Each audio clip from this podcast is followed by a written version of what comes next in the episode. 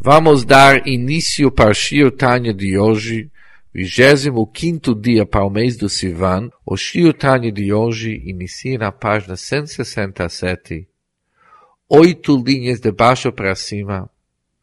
Palavra aqui, Makor HaChayut, e o término do Shir Tanya de hoje é o término do capítulo 7, Perek Zayin do Shai Ichud, que se encontra na página 169. No último Shiotanya, aprendemos que sem dúvida nenhuma Hashem, Deus se encontra em todos os lugares. Tanto nos mundos superiores como também nos mundos inferiores. Não há lugar onde ele esteja ausente, nem nos mundos superiores e nem nos inferiores. E aprendemos aquele que estava escrito no Zohar, Ihu Sovev Kol Almin, e Deus é também Ememale Kol Almin. Ele envolve todos os mundos, como também ele preenche todos os mundos. E aprendemos que envolver os mundos não significa que ele está por cima, ou seja, que ele não se encontra dentro dos mundos. Quando falamos que Deus envolve todos os mundos, significa que os mundos são incapazes de absorver de uma maneira íntima, de uma maneira própria, as influências que vêm do Hashem.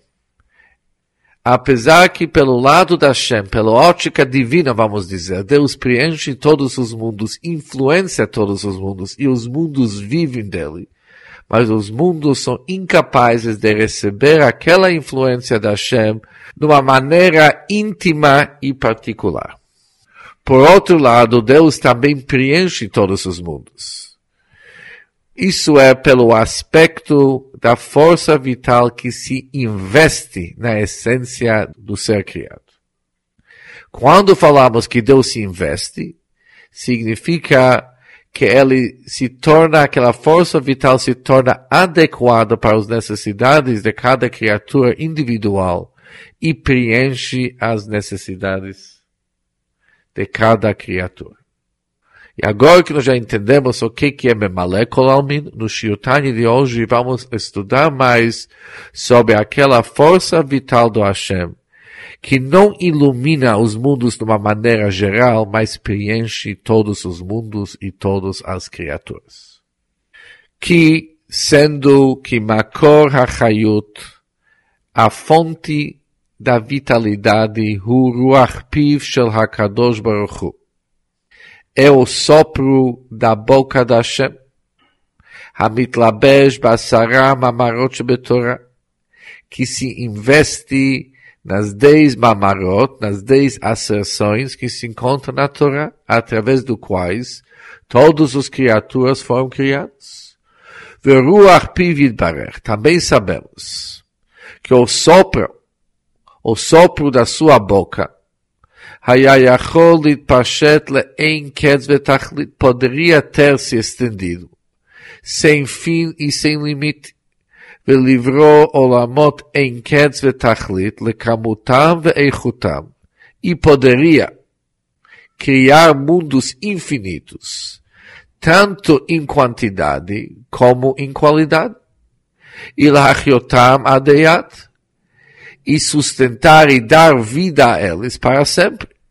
Ou seja, não como nós temos hoje mundos e criaturas da Hashem, limitados e finitos, tanto em quantidade como também em qualidade, e o que uma existência deles não é perpétua.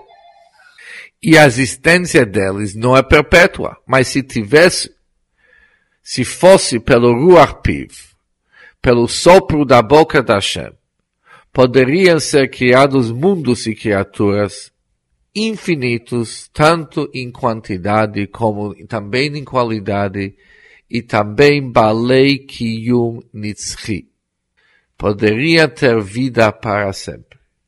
Velo haya nivra olam hazeklal.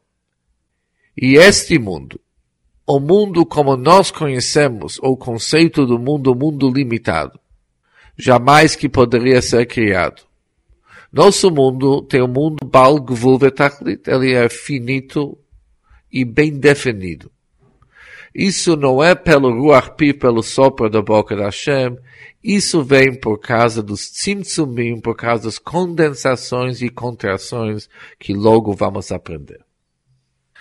Agora, por que que sem tzimtzumim? Por que que eu sem contrações? Porque sem condensações e restrições iam ser criados mundos infinitos, mundos sem limite tanto em qualidade e quantidade, e poderiam viver perpetuamente. Diz o Balatani o seguinte, Shekmo Shakadosh Nikra Ensof.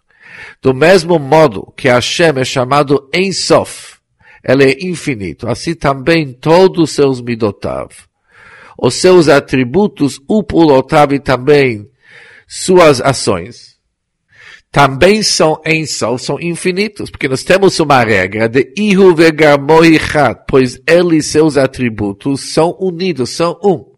E quando falamos que são um, significa que da mesma maneira, do mesmo modo que Hashem é Ensof, que Hashem é infinito, assim ocorre também com todos os seus atributos e ações. Haino, ou seja, Hachayuta nimshechet midotav, a força vital que emana, que se deriva de seus atributos. Shehen chesed verachamim ush'am midotav akdoshav, que são bondade e misericórdia e seus outros atributos sagrados. Alidei hitlapshutatam, através do fato que ele se investe, shemitlapshot beruach piv, que os midot da Hashem, os atributos da Hashem se investem no atributo do malchut, de realeza. E o malchut da Hashem está ligado com ruach piv, como o sopro de sua boca. Sabemos que malchut pé, Malchut é Dibur, Malchut é a fala da Hashem. Onde também está escrito que Hu Amar Vayehi, pois ele falou e assim foi. Ve'olam chesed e o mundo é construído pela bondade. Como que de fato pode ser que de um lado o mundo foi construído através do atributo do chesed, do bondade, e do outro lado através do dibur, fala da Hashem, que está ligado com Malchut. Obviamente, ao Kavaná, a intenção aqui que Midat HaChesed, atributo do Chesed da Hashem, se investe na fala da Hashem, na sopro, do, no sopro da sua boca, Bidvar Hashem Ruach Piv, alidei, anase kli ulevush lechesed ze. Se investe nas palavras da Hashem e no sopro da sua boca, que ele se torna um kli, um receptáculo e um vestimento para o Chesed, que é a Hadem Kamsa, como o caracol, cujo revestimento é parte de seu corpo, de mineu.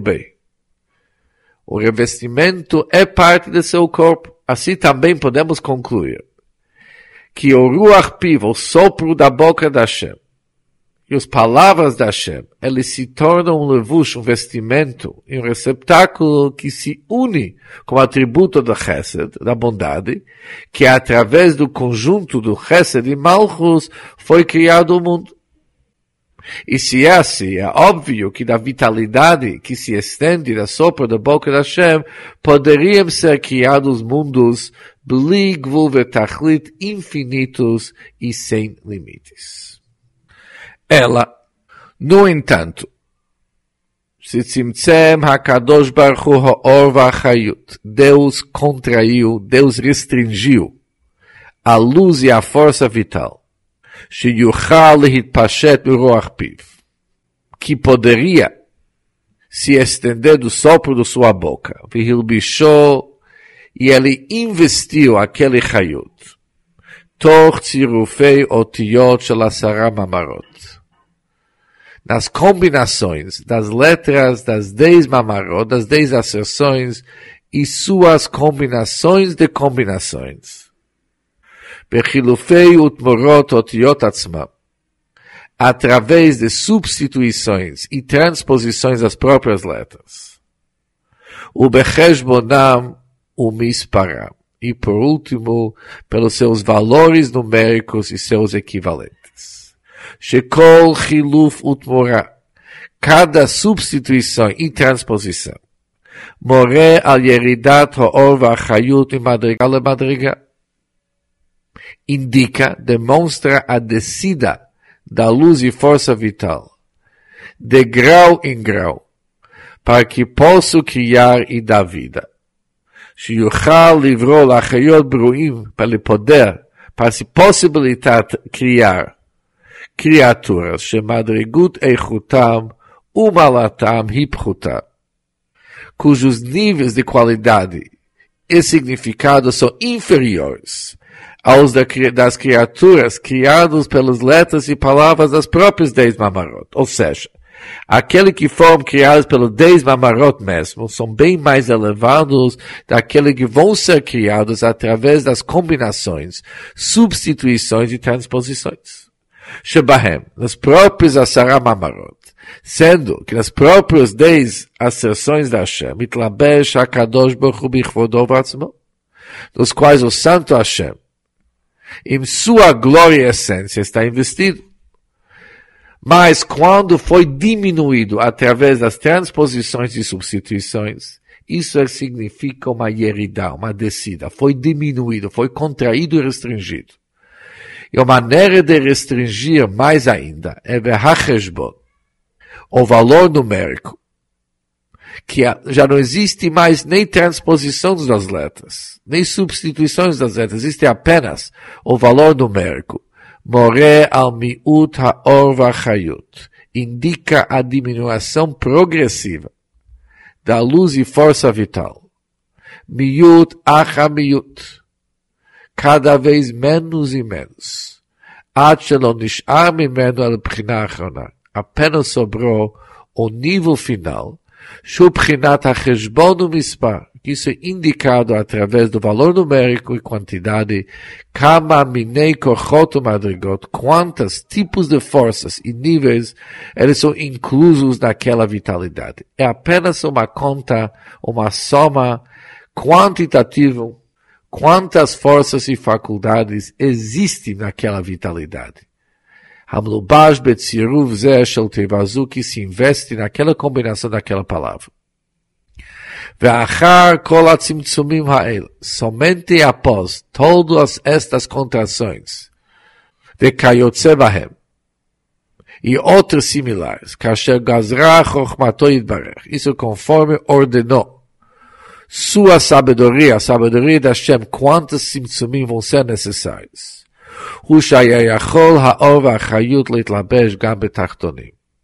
Que se tornou possível a luz e a vitalidade da Hashem para se investir também nos seres inferiores, como avanim, como pedras, ve'afar hadomem, e pó inanimados, como pedras e pó inanimados que Even derech machal. Se nós vamos pegar, por efeito de um exemplo, uma pedra, que o nome de uma pedra é Even, Even significa pedra. Na palavra Even existe um Aleph, Bet e Nun.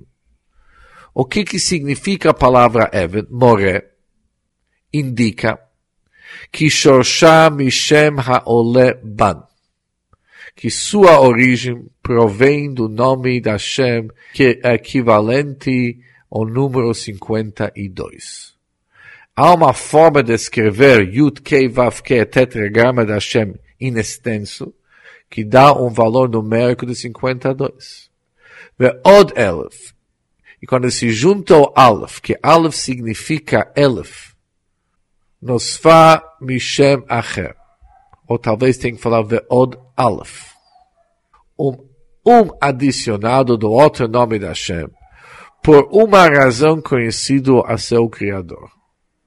Quando se junta o Aleph de um outro nome Yud Kei Vav Kei, de uma outra combinação, e junta isso aqui com Bet Nun Ban 52, que dá no valor numérico do Even, isso se torna a força vital do Even, de uma pedra.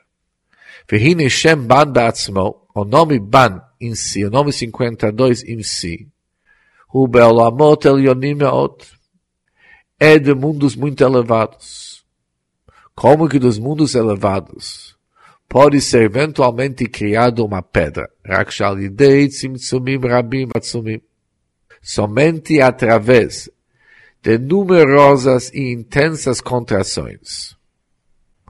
Madrigal, de grau em grau.